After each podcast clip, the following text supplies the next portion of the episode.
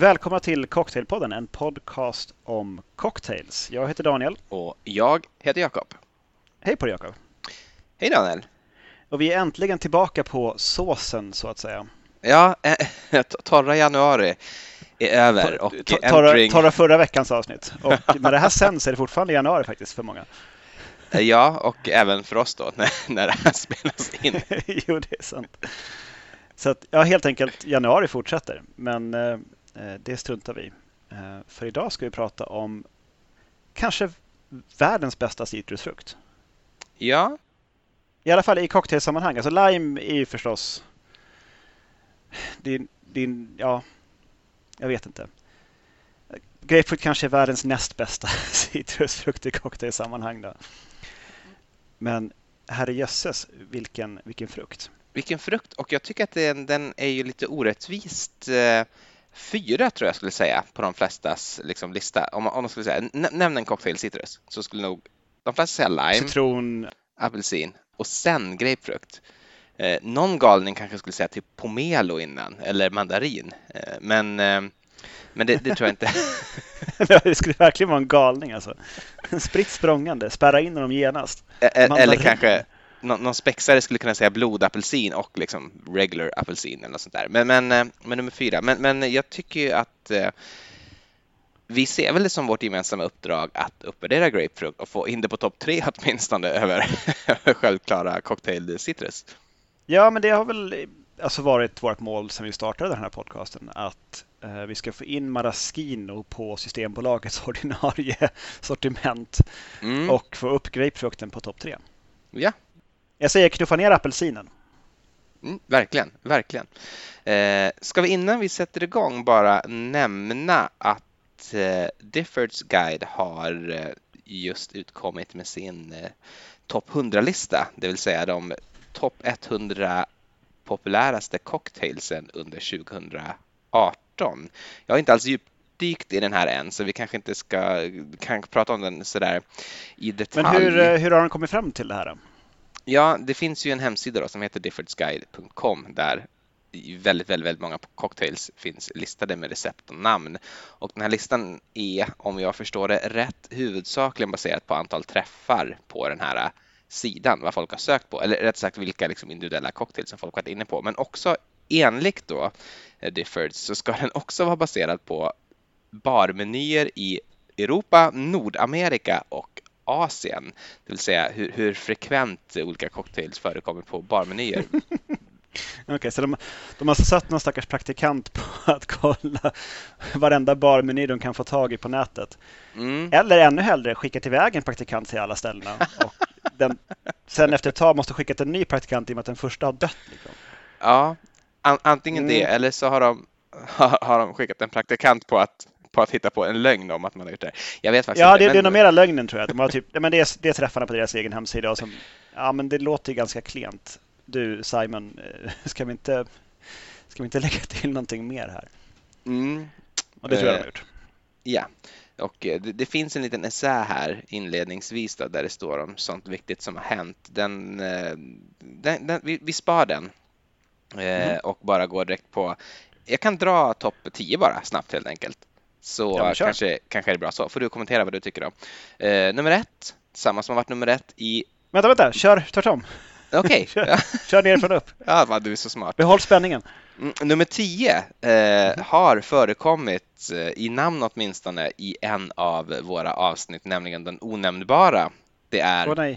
The Screaming Orgasm. nej. Okej. Okay. Nummer nio, eh, också en eh, väldigt välbekant drink för Cocktailpoddens lyssnare, det är Negroni. Nummer åtta då, det är faktiskt en cocktail som jag är väldigt lite bekant med. Eh, Cantaritos. Mm, den har jag aldrig talas om. Nej, så här står det om den. Nummer åtta, Cantaritos. Millions of Mexicans can't be wrong. This rustic tequila classic was the seventh most viewed cocktail on Difford's Guide during 2018, up from ninth in 2017 and 13th in 2016. Eh, Te tequila brands have been surprisingly slow to pick up on this POS opportunity. Eh, den är ändå placerad som åtta då, så då antar jag att den inte har förekommit på riktigt lika många menyer i Nordamerika, Asien och Europa efter, eftersom den är bara, ändå... bara Centralamerika liksom. Precis. Eh, Mexiko med det ändå. Men eh, nummer sju.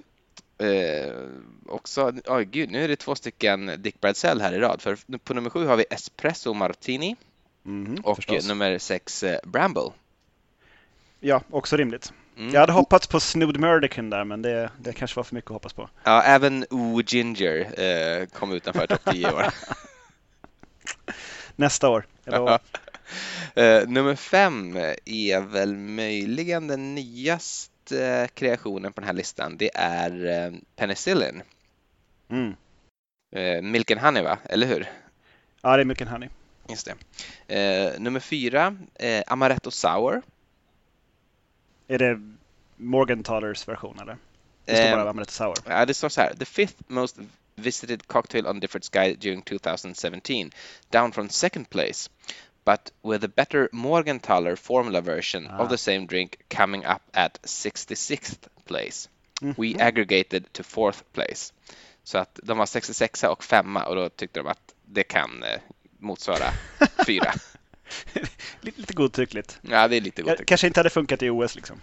Eh, nummer två förvånar mig ganska mycket mycket. För det är förvisso en klassiker, men inte någon som jag alls har uppfattat att den är liksom på gång att komma in i, i liksom återvända till allmänna medvetandet. Det är White Lady.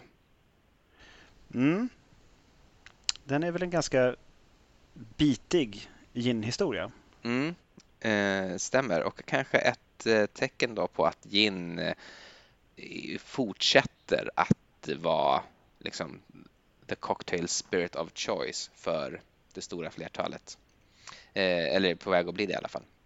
Eh, nummer två så är det två stycken, konstigt nog, men de hör ihop då. Det är Margaritas och eh, Thomas Margaritas.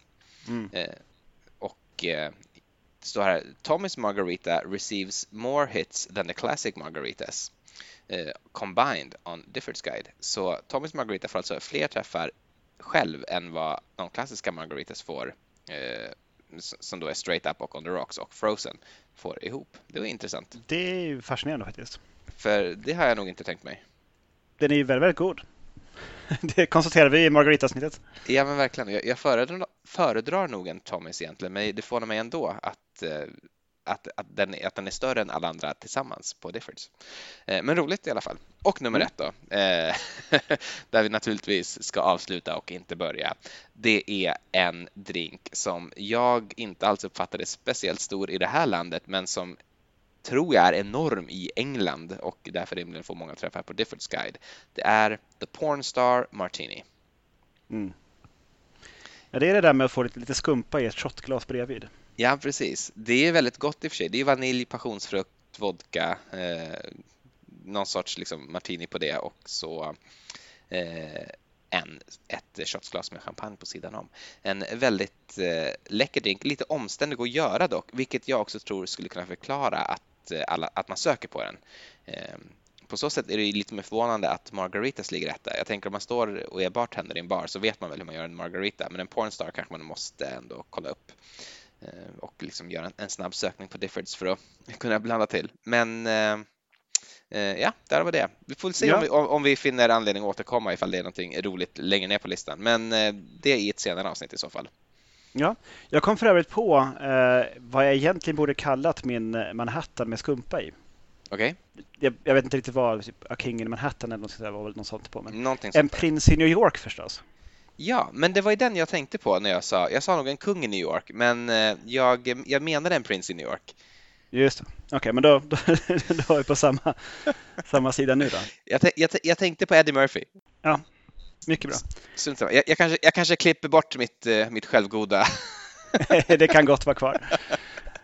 Men vi kan ha kvar att du, din, din lilla, så här, att du blir lite humble och vill ta bort det först. Det kan vara kvar. Ja, det, det får Vad fint. Eh, grapefrukt var det. Just det. Um, jag, har, jag har lite på, på själva grapefrukt som sådan. Uh, vi kanske kan börja där. För grapefrukt har det har inte alltid funnits förstås. Det är en, en, en, en framtagen frukt, eller faktiskt av, av misstag framtagen frukt. Är det? Som, eh, ja, det uppstod en, en oavsiktlig korsning mellan apelsin, alltså vanlig söt apelsin, att skilja från bitter apelsin då, Mm. och eh, pomelo. Eh, för man förde in de två och odlade båda de två sorterna på Barbados på 1600-talet. Och då blev det en korsning som förvildades och växte vilt på Barbados. Eh, och första gången den beskrevs överhuvudtaget var så sent som 1750. Den har redan funnits kanske i 100 år eller så. Och då kallades den för The Forbidden Fruit. Högst Okej. oklart varför. Någonting om att det fanns människor som sökte efter typ paradisäpplet eller någonting. Och den heter också Citrus paradisi på, på latin. Aha, ja men det måste väl vara kopplingen då. Mm. Det nuvarande namnet, grapefrukt, alltså grapefruit, det ska komma, tror man, av att den växer liksom i stora klasar, ungefär som vindruvor. Ja, det har ju förbryllat mig. Jag visste inte heller att det växte i stora klasar. Det avslöjar hur lite jag vet om dagens. Precis. ja, nej men det, det, det ska tydligen vara det. Men jag tycker att det är Herregud vad mycket mer cred den här frukten hade fått om den hade hetat liksom Paradise Fruit. Mm. Och bara liksom eh, Paradise Fruit Martini och så vidare. För det finns väl ingen annan frukt som heter så? Nej, passionsfrukt är väl, är väl det närmsta vi har, men, eh, men pa Nej. paradisfrukt vet jag inte. Paranötter? Det är kanske inte riktigt det. Men jag tycker att det, det är en felbranding helt enkelt. Man borde ha från början brandat det som, som paradisfrukt och, och kört på det.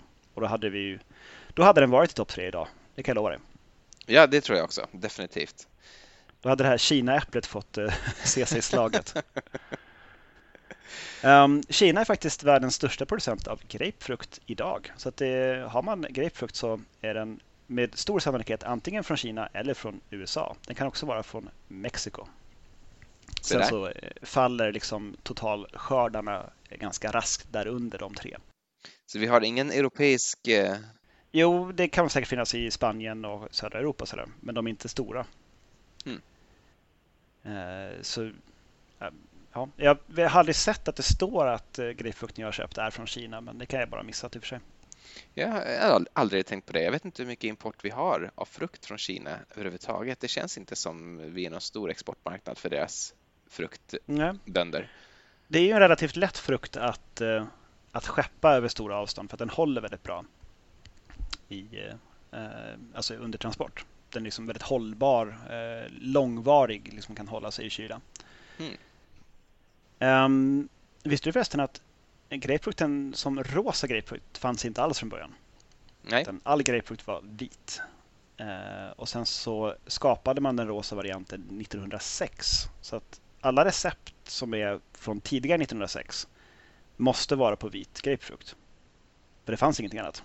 Vad intressant. Det tycker jag ju också aktualiserar en fråga som jag har eh, tänkt att vi skulle bena ut eh, det här avsnittet, nämligen vilken grapefrukt är bästa grapefrukt? Är det vit eller rosa? Mhm. Alltså de rosa är ju ofta sötare. Alltså Mm. mindre, mindre syrliga. De gula är ju en, en, en syrligare variant, eller vita eller gula eller hur man säger. Man menar väl samma sak, tänker jag. Jag har ju personligen alltid gillat den gula grapefrukten. Så Ja, att där, där sätter jag ner mitt, min flagga i marken om man så vill. det har nog jag också, men jag har tänkt för att inte liksom vara unfairly biased så har jag eh, lite färskpressad rosa och lite färskpressad vit grapejuice här framför mig i två glas. Och jag tänkte att jag ska, jag, ska, jag ska avgöra det här nu en gång för alla. Eh, så Men hur? inte folk... Hur kan du blindtesta när du ser vad som är vad? Nej, men bl- blindtester behöver jag inte göra. Jag menar, färgen är väl en del av det. Du har ju redan en bias för den gula. Nej, det, så tror jag inte man... så då räknar man inte. Okej, då ska jag pröva. Då tar jag den gula. Mm, god doft. Bra syra. Mm. Och lite rosa då. Läskande. Också, mm, också bra. Ja, det är verkligen läskande. Nästan syrligare faktiskt och sötare. Eh, Mhm. vet du vad? Det Mer av här- allt alltså. Här, här kommer att göra alla besvikna, men det blir ett, eh, det blir ett tie race. Eh, Åh nej. Det beror helt enkelt på hur man vill ha det. Eh, vill man ha det lite syrligare skulle jag säga rosa och vill man ha det lite mildare kanske den gula då. Åtminstone från de grapefrukt som jag köpte. Det kan vara så också, så enkelt att den gula är lite mera eh, lite mildare för att den är lite äldre. För den grapefrukten köpte jag förra veckan egentligen. Den har blivit kvar. De här rosa köpte jag nu till det här avsnittet så de är lite eh, färskare, från affären åtminstone. Så det, det kanske spelar in också. Men eh, jag tycker det var, det var ett ganska det var ett ganska lika där faktiskt i kvalitet. Tycker båda var väldigt goda. Som sagt, det är en fantastisk frukt. Precis. Eh, sen kan det kanske vara läge att säga vad vi brukar säga ganska ofta i början av cocktailbaden, men som vi liksom på något vis antar att alla, alla redan är med på. Att färskpressat är jätteviktigt. Ja, alltså, såklart. För det blir helt annorlunda smak om man tar en, eh, en typ God morgon grapefruktjuice. Eh, då blir det liksom inte samma drink i slutändan och eh, blir inte lika gott. Nej. Kan till och med bli rent utav otäckt. Vilket då, återigen, jag ser, jag ser kopplingar överallt, får, får mig att tänka på en drink som jag skulle vilja nämna, som jag, som jag inte har blandat till idag, men som är en stor favorit i det här hushållet. Eh, drinken med det fyndiga namnet Absinthe makes the heart grow fonder. Och, och kopplingen här till ditt Lassay är ju att en gång för något år sedan när du var på besök så skulle vi blanda till det här och hade grapefruktjuice, trodde jag då, men inte nog med att det var juice från tetra. Det var dessutom någon sorts blandning av apelsin och grape. Och eh, jag tror, vi, vi höll ju god min allihopa, men det, det, var ju inte, det var inte en bra drink. Om man gör den på riktigt färskpressad grapefrukt så är det däremot en av de absolut bästa drinkar som jag vet. Det enda nedsidan med den här drinken är att den är så himla, himla krånglig. Eh, den är skapad av en bartender som heter Scott Diaz, men receptet är hämtat från Difford's Guide. Eh, Scott Diaz är en amerikansk bartender som jag inte vet så mycket om, annat än att han finns på Instagram. Har inte jättemånga följare, men jag följde honom idag från vårt konto här, så han har en till från och med idag i alla fall. Vad glad han skulle bli.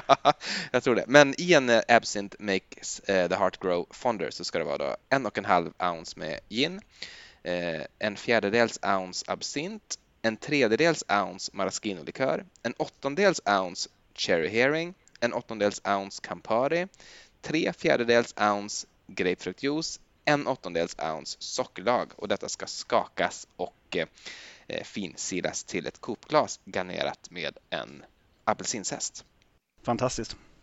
Jag har fortfarande inte fått den serverad Nej. med proper grapefruktjuice. Du ska få det. Det och en valborg när du kommer nästa gång. Och eh, jag vill då säga till lyssnarna att det som gör den så himla himla god, det är ju kombinationen tror jag, Campari, grape och lite lite absint och maraschino.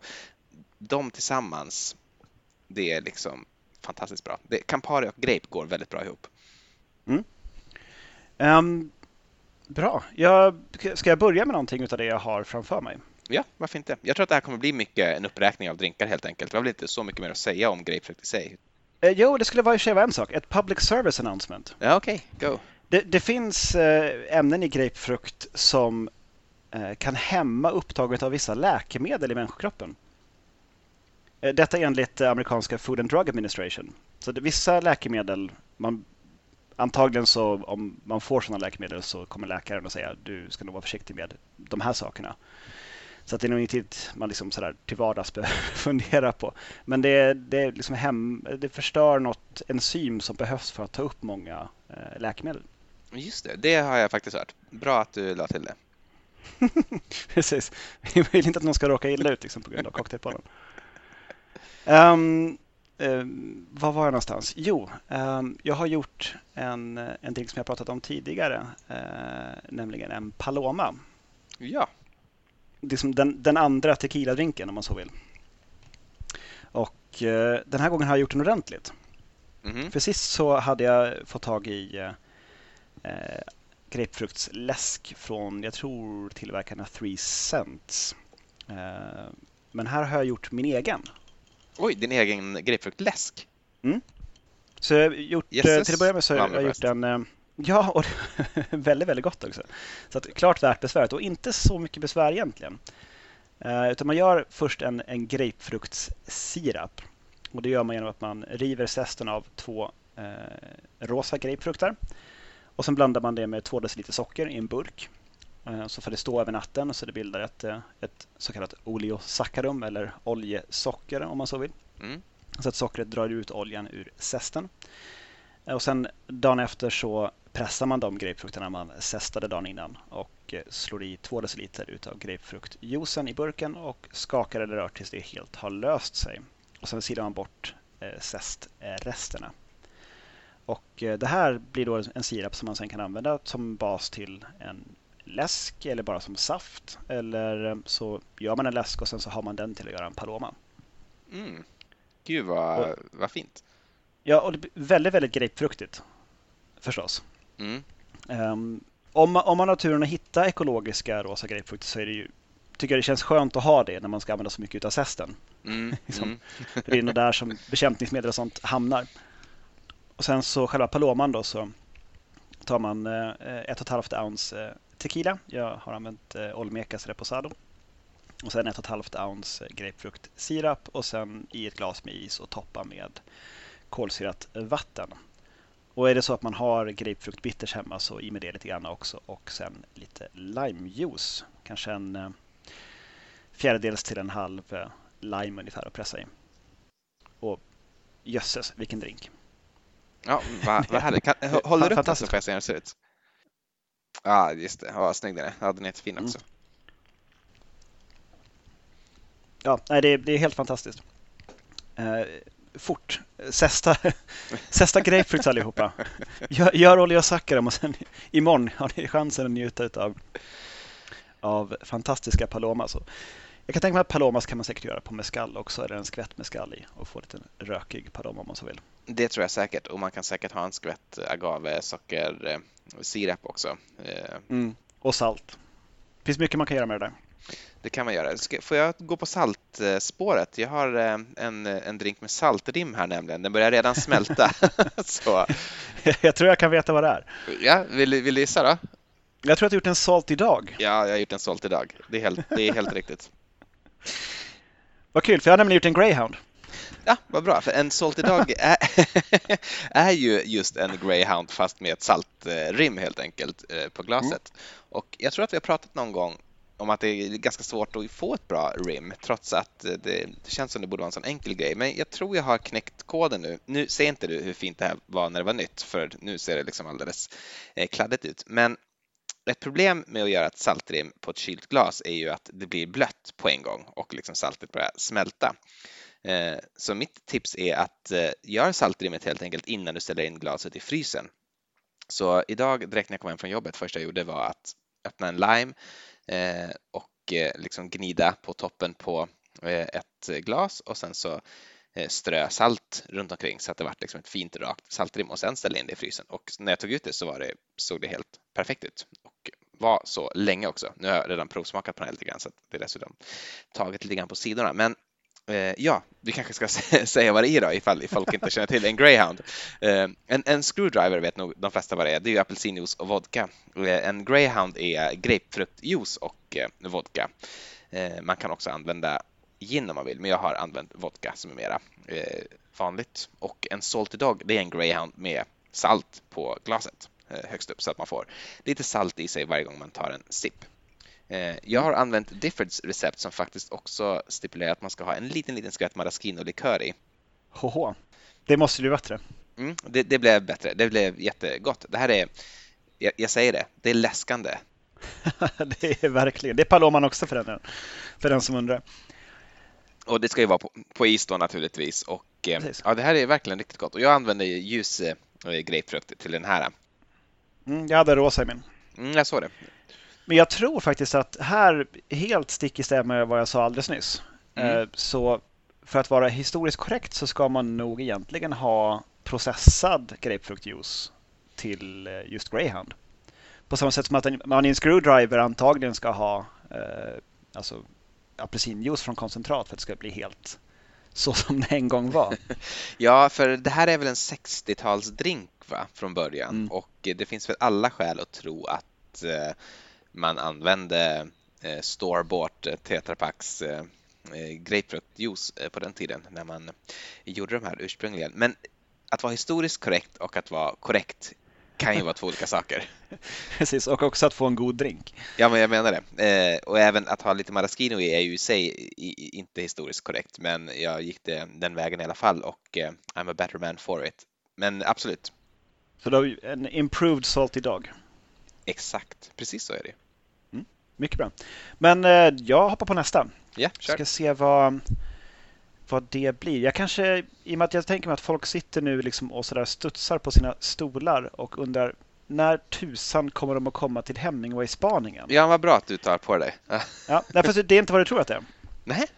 Nej, för det, det är inte Hemingway Daiquiri. Nej, det tror jag. Eh, som annars är liksom det man tänker. Jag har faktiskt valt att inte ta med den för den har vi pratat om ganska mycket tidigare eh, i podden och den är lätt googlad. Eh, men här har vi en, en karl som heter Lucas Lopez från Isabel Bar i Buenos Aires som i en tävling anordnad av ett känt rommärke som gör en väldigt ljus rom. så var han med på en, en tävling där 2013 och så satt han och funderade på vad han skulle göra och då tänkte han på Hemingway, säger han. Och hur Hemingway enligt då Lucas Lopez brukade avsluta kvällen genom att bjuda sina vänner på en daiquiri med grapefrukt i. Alltså en Hemingway daiquiri eller Papadoble eller eh, Special daiquiri eller vad den kan heta. Mm. Och då kom han på den här som han kallar för Last Call. Om man då tänker sig att Hemingway kör sitt Last Call på La Floridita Bar. Och, eh, Just det.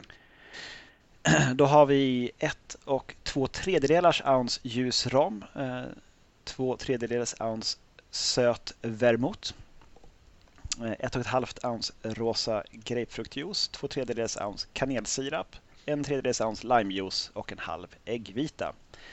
Skakad med is och silat till ett kylt kopglas och sen garnerad med grapefruktzest och gärna en kanelstång om man råkar ha det. Nu är den inte så snygg längre men som skummet har sjunkit ner lite grann. Men den var mm. väldigt tjusig från början och väldigt krämigt skum på. Jag skulle gärna haft i lite mer limejuice tror jag. Mm. Eh, I, I min... Eh, I alla fall som den blev här. Det är ofta, jag tycker det ofta är fallet. Man har väldigt sällan klagomålet eh, det blev för syrligt, skulle varit mer socker.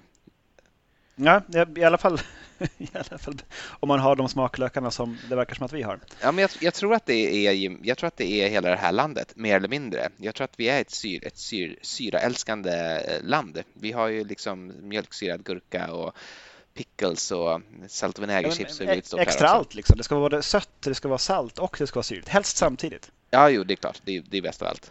Mm. Men han vann i alla fall med den här mm. i den här eh, tävlingen anordnad av ett eh, känt rommärke.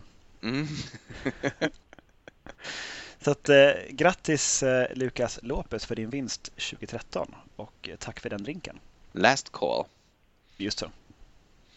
Eh, jag, kan, eh, jag kan fortsätta. Vi kör lite pingpong varannan helt enkelt. Och jag tänkte eh, introducera min nästa drink genom att nämna Sasha Petrask. Ah, mycket bra. New York-bartender som ju väl nästan nästan drog igång liksom cocktailrenässansen eh, i USA. Åtminstone så har han fått bli någon sorts liksom galjonsfigur för det där. Han var ju självklart inte ensam, men eh, han startade Milk and Honey och eh, liksom Dick Bradsell som vi har pratat om i ett helt avsnitt tidigare så var han också noga med att man ska ha färskpressad juice och det ska vara liksom bra kvalitet på alla ingredienser och, och allt sånt där och eh, liksom gå tillbaka till klassikerna. Jag har gjort en av hans drinkar från den postumt utgivna boken Regarding Cocktails. Eh, och den här drinken heter Sugar Plum.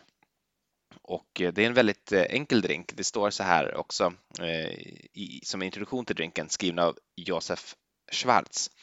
Sasha always emphasized that a straightforward cocktail was the call of the day. This drink, in keeping with the milk and honey ethos of simplicity, was an early creation, a variation of a classic cocktail called The Blinker. Eh, och jag kan väl nämna vad en The Blinker är också då på en gång. Eh, det finns eh, beskrivet i Diffords guide och eh, då står det så här.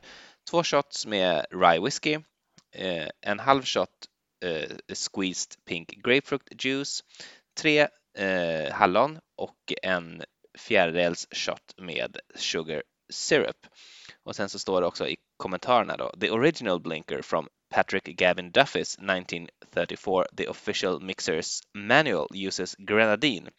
Eh, så att det ska inte vara raspberries utan det ska vara grenadin i originalet, precis som det också är i Sugarplum, eh, det vill säga Sasha Petrasks version. Och eh, Sugarplum så står det så här då, en ounce med eh, grapefruktjuice, en halv ounce med grenadin och två ounce gin och säger även att man kan byta ut ginet mot tequila. Jag har dock valt att eh, behålla ginet eh, som det är i originaldrinken och den är lite svagt rosa. Så här, grenadin som man köper i affären som vi nog har pratat om tidigare är ju inte jättegod och inte heller jättemycket eh, granatäpplesmak i. Nej, det är nog ganska få granatäpplen som är skadade eller ens hotade under tillverkningen. Ja, så jag, jag gick igår ner till ICA där de säljer ut granatäpplen eftersom det är granatäppelsäsong nu så man kan köpa väldigt bra och väldigt billiga granatäpplen på också relativt små matbutiker och gjorde lite egen grenadin helt enkelt och då använde jag Martin Cates recept från Smugglers Co som bara är lika delar grapefrukt, eller säga, eh, granatäppeljuice och socker. Mm. Eh, väldigt, väldigt enkelt och väldigt, väldigt gott jag mixade först eh, granatäppelkärnorna då eh, för att eh, utvinna juicen och sen så har jag silat dem ett par gånger för att verkligen bli av med alla kärnor och liksom skröfs. Och jag tyckte att när juicen eller sockerlaget var, grenadinen var helt ny så hade den lite sådär smak av vad jag tänkte var kärnor och hinnor och sånt. Men idag, dagen efter, så är inte det alls kvar. Det försvann helt och hållet under natten. Så nu, nu smakar den ljuvligt gott. Mm. drinken då? Eh, Sugar Plum. Ja, alltså det här är det är, det är en cocktail. Eh, nä, nä, nästan en generisk cocktail. Den är väldigt god, men den, det finns ingenting egentligen i den som sticker ut. Eh, jag kan ju nämna det också att när jag blandade den här så försökte jag också vara sann mot Sasha Petrasks idéer kring eh, eh utspädning. Han sa många, många gånger tydligen då till, till alla möjliga, både gäster och, och, andra bartenders, att vi måste sluta prata om eh, utspädning och börja prata om alkoholprocent. Eh, vilket jag tycker i all sin enkelhet är väldigt sant och egentligen ganska insiktsfullt. Att det viktiga är inte liksom hur mycket späder vi ut drinken, det viktiga är vilken alkoholprocent ska drinken ha och vilken alkoholprocent får den. Och eh, för en daiquiri så har han sagt att det ska vara ungefär, eh, det ska vara 17 procent. Det, det är liksom, en, daiquiri ska ha 17 procents eh, alkohol per volym då, i volymprocent. Och jag har siktat på att få samma i den här. Så därför så har jag försökt att få ungefär 3,5 centiliter då, utspätt is. Och jag tror att det lyckats ganska bra och jag tycker den känns balanserad. Nu har den tyvärr hunnit bli lite, lite varm. Den är inte så kall och god som den var när den var helt ny, men Ja, jag, jag, skulle absolut kunna ta in liksom en till av den här och sen ytterligare en. Men, eh, men, men, sen skulle, men det, det, skulle inte bli någon sån här som jag, jag, jag kommer inte komma ihåg den eh, för evigt. Kanske att den skulle ha lite absint och maraschino i sig. En improved, improved sugar plum skulle nog kunna vara, det skulle kunna vinna för kvällen. Ja, men 2019 har vi väl utropat som eh, året då Improved Cocktails kommer tillbaka. Ja, det har vi ja. Eh, vad, vad bra. Jag tror att vi är helt rätt ute där. Precis. Jag har faktiskt också en, en, en snarlik rackare som eh, påstås vara också har rötterna i Blinker, då Patrick eh, Gavin Duffys drink, eh, som heter Brown Derby Cocktail som jag inte vet vem som har skapat eller riktigt var den kommer ifrån. Men den ska enligt utsago vara döpt efter en restaurangkedja med rötterna i 20-talets Los Angeles. Ja. Att, det vet vi i alla fall. Och Brown Derby då är alltså 1,5 ounce bourbon, 1 ounce grapefruktjuice då rosa och sen ett fjärdedels ounce lönnsirap skakad på is och silad till ett kylt glas och sen garnerad med grapefruktzest. Ja, det är klart att det är gott. Alltså det är som en, som en bourbon daiquiri på grapefrukt. Det förstår man ju. Det, så det är ju det är en, en, eh, någon slags bourbon sour historia och som vi vet, sours är alltid gott. Just det. Det, det blir aldrig fel. Nej. så att, eh, det var en liten fortsättning på, på det. Tillbaka över till dig Jakob. Ja, okej. Okay. Jag, eh, jag har egentligen inte, jag har inte jättemycket mer. Jag har några som jag skulle vilja nämna innan vi eh, slutar. Sen så har jag en som jag gjort också. Jag kanske ska ta den på en gång för den har lite kolsyrat vatten i sig. Jag tror att den redan börjar bli lite så här eh, flat. Men mm -hmm. det är en av en av de absolut mest klassiska tiki-drinkarna som finns, skapad av Don the Beachcomber, men inspirerad av, av eh, drink liksom med, rötter i 1700-talet. Och det är The Navy Grog. Och eh, den ska egentligen den ska serveras på is, men den ska inte serveras på vilken is som helst, utan på en sorts, man ska liksom, vad heter det, skrapa isen till en kon som ska sticka Ja, just det, och peta in den i ett smalt eh, så här gör man. Man, man, man skrapar is så det blir mm. som så här, nästan som snö. Just det, precis. Och sen så mäcker man in det i ett sånt här smalt gammaldags pilsnerglas på fot. Så det blir som en, liksom en kon. Mm. Och sen så petar man igenom ett sugrör genom den konen innan man sen fryser den igen. Och sen lirkar ut den ur glaset när den är fryst. Vänder upp och ner på det, sätter in ett sugrör och petar ner det i Navy-groggen så det sticker upp som en snökon Exakt. ur glaset. Det är helt vansinnigt.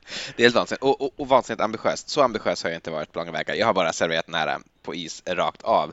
Eh, det finns ju några olika recept, bland annat ett utan sodavatten helt och hållet i Smugglers Co, alltså Martin Cates eh, stilbildande bok om tiki. Eh, den tänkte jag göra först, men den innehöll en likör som jag inte lyckades få tag på, nämligen Allspice Dram allspice är väl kryddpeppar, va? tror jag vi har kommit mm. fram till eh, tidigare. Eh, jag hittade på eh, Serious Eats att man kunde göra sin egen allspice dram, men det skulle ta två månader. så, ja, det blir svårt. Så, så det blev tyvärr inte av då till det här avsnittet. Så därför så gjorde jag istället Don the Beachcombers originalrecept som bland annat finns att hämta på Wikipedia. Eh, I, I det receptet så ska det vara då eh, en ounce av någon lätt lagrad rom och jag har använt Eldorados eh, treåriga som jag tycker är väldigt god som har lite kolasmak.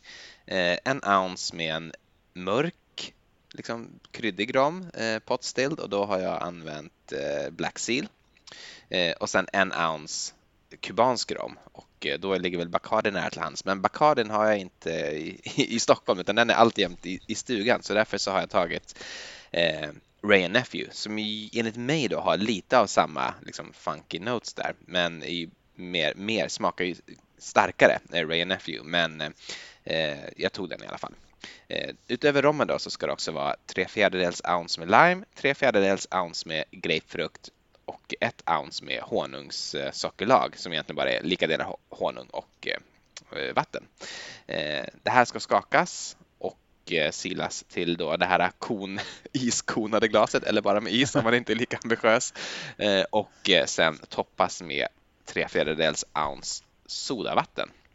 Och ja, jag har också garnerat med ett litet maraschino, körsbär och en limeklyfta. Det stipulerar inte den historiska texten att man ska göra, men jag ja, tog men mig friheten. Mm, nu har den här stått, stått lite för den är jättegod. Den har stått lite för länge, så den är lite för vattning nu för att eh, den ligger ju också på is då.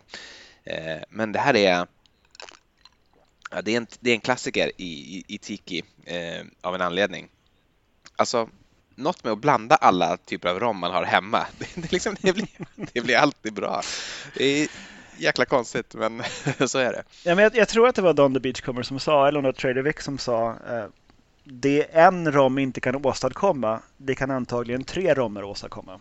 Ja, men det är ju så. För att jag egentligen, man ska vara helt ärlig, Förutom Eldorados treåriga då, den tycker jag är väldigt god. Men annars så tycker jag egentligen varken att Black Seal eller Ray Nephew i sig själva är speciellt goda. Ray Nephew tycker jag är alldeles för liksom ja, det, det, brukar säga, kallas för funky. Jag vet inte om det är ordet jag skulle ha valt riktigt, men jag säger det nu ändå eftersom det är det folk brukar säga. Alltså, mm.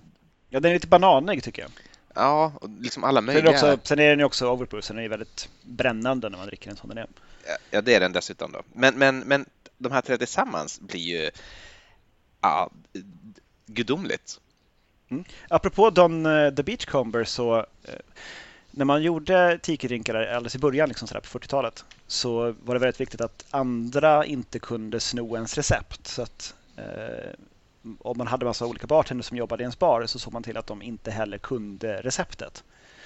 Så man liksom tog olika saker som ingick i drinkarna och så kallade man det för till exempel Don's Mix number two, tror jag det är, eh, mm. som är grapefruktjuice och eh, kanelsirap blandat lika delar i en flaska. Så de sa liksom flaskor som det stod Don's Mix number two. Och receptet sen innehöll så ser ju så mycket Dons Mix number two, men det var ingen som visste vad som var i den då. Ah, okej. Okay. Det är ju genialt. Ja, alltså det har ju också varit väldigt, väldigt svårt också för uh, Beach Bumberry att uh, att få ordning på det där. Och att liksom hitta... Han har, han har ju jagat runt liksom sådär under 90 och 00-talet och försökt hitta de här recepten och reda ut vad det egentligen var. Liksom. Mm. Så att, eh, det här kan vi, får vi nog skäl till att återkomma i ett eh, kommande eh, efterlängtat vill jag säga som en liten grupp av Tiki-avsnitt möjligtvis, för det är mycket att avhandla där. Bara, bara isskulpturer är ju en egen Tiki-konstart. Liksom. Både den där som du har med konen där, men sen kan man också göra som en liten isgrotta som sticker upp som en halvsfär över ett kopglas. Ja. Liksom, som en så här, liksom, musselskal som sticker upp. Det är helt vansinniga grejer. Men no nog om eh, Don Beachcomber och Tiki för nu. Eh, vill jag säga. Eh, jag har lite kvar av drinkar att nämna. Mm. Saker som jag inte har gjort idag som jag ändå hade tyckt varit kul. Diki Diki från Harry Craddocks 1930 års Savoy Cocktailbok. I en tweakad version av Simon Difford som verkar rätt bra så är det två ounce calvados, ett halvt ounce svensk punch, ett halvt ounce rosa grapefruktjuice och den ska skakas. Och sen ska den serveras med sockrad kant på glaset. Mm. Det låter jättegott. Det, det låter som någon sorts variant av Doktor cocktail nästan. Ja, som en eh. grapefrukt-doktor. Mm. Och så är det väl då kalva istället för eh, ja, precis. rom, men, men i princip. Jo, Old Friend låter jättegod. Ett och ett halvt ounce gin, tre fjärdedels ounce rosa grapefruktjuice, ett halvt ounce Campari och en fjärdedels ounce fjäder, fläderlikör. Eh, skapad av Jim Meehan från eh, Please Don't Tell när han gjorde en meny för Chef's Club i Aspen i Colorado. Mm för den som är intresserad av att veta exakt var det kommer ifrån. ja, det tror jag alla är. Precis. Men eh, du nämnde Dick Bradsell. Jag vill inte lämna det avsnittet utan att också nämna Dick Bradsell. Jag tror att vi var inne lite och snuddade vid den här cocktailen när vi pratade om, om uh, den gode Dick. Uh, nämligen The Wibble Cocktail. Uh, som innehåller ett ounce gin, ett ounce slow gin, alltså slånbärs ginlikör och ett ounce rosa grapefruktjuice, ett tredjedels ounce citronjuice, ett tredjedels ounce crème de mure eller någon annan bärlikör och eh, ett sjättedels ounce 2 till 1 sockersirap eller ja, ungefär kanske en och en halv barsked eller så. Eh, skaka med is i kylt glas, garnera med citronzest.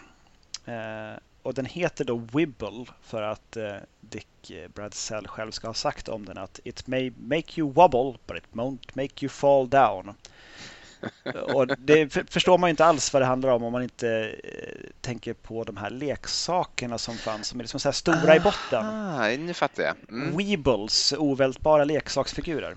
Jag har ju en sån faktiskt här framför mig fast det är också en kapsylöppnare. Ja, den är fantastisk. Den får du nästan lägga upp en bild på sen. Mm, ja, det ska jag. världens bästa öppnare. Den ser så arg ut. Ja, det, det. det, var, det var The Wibble.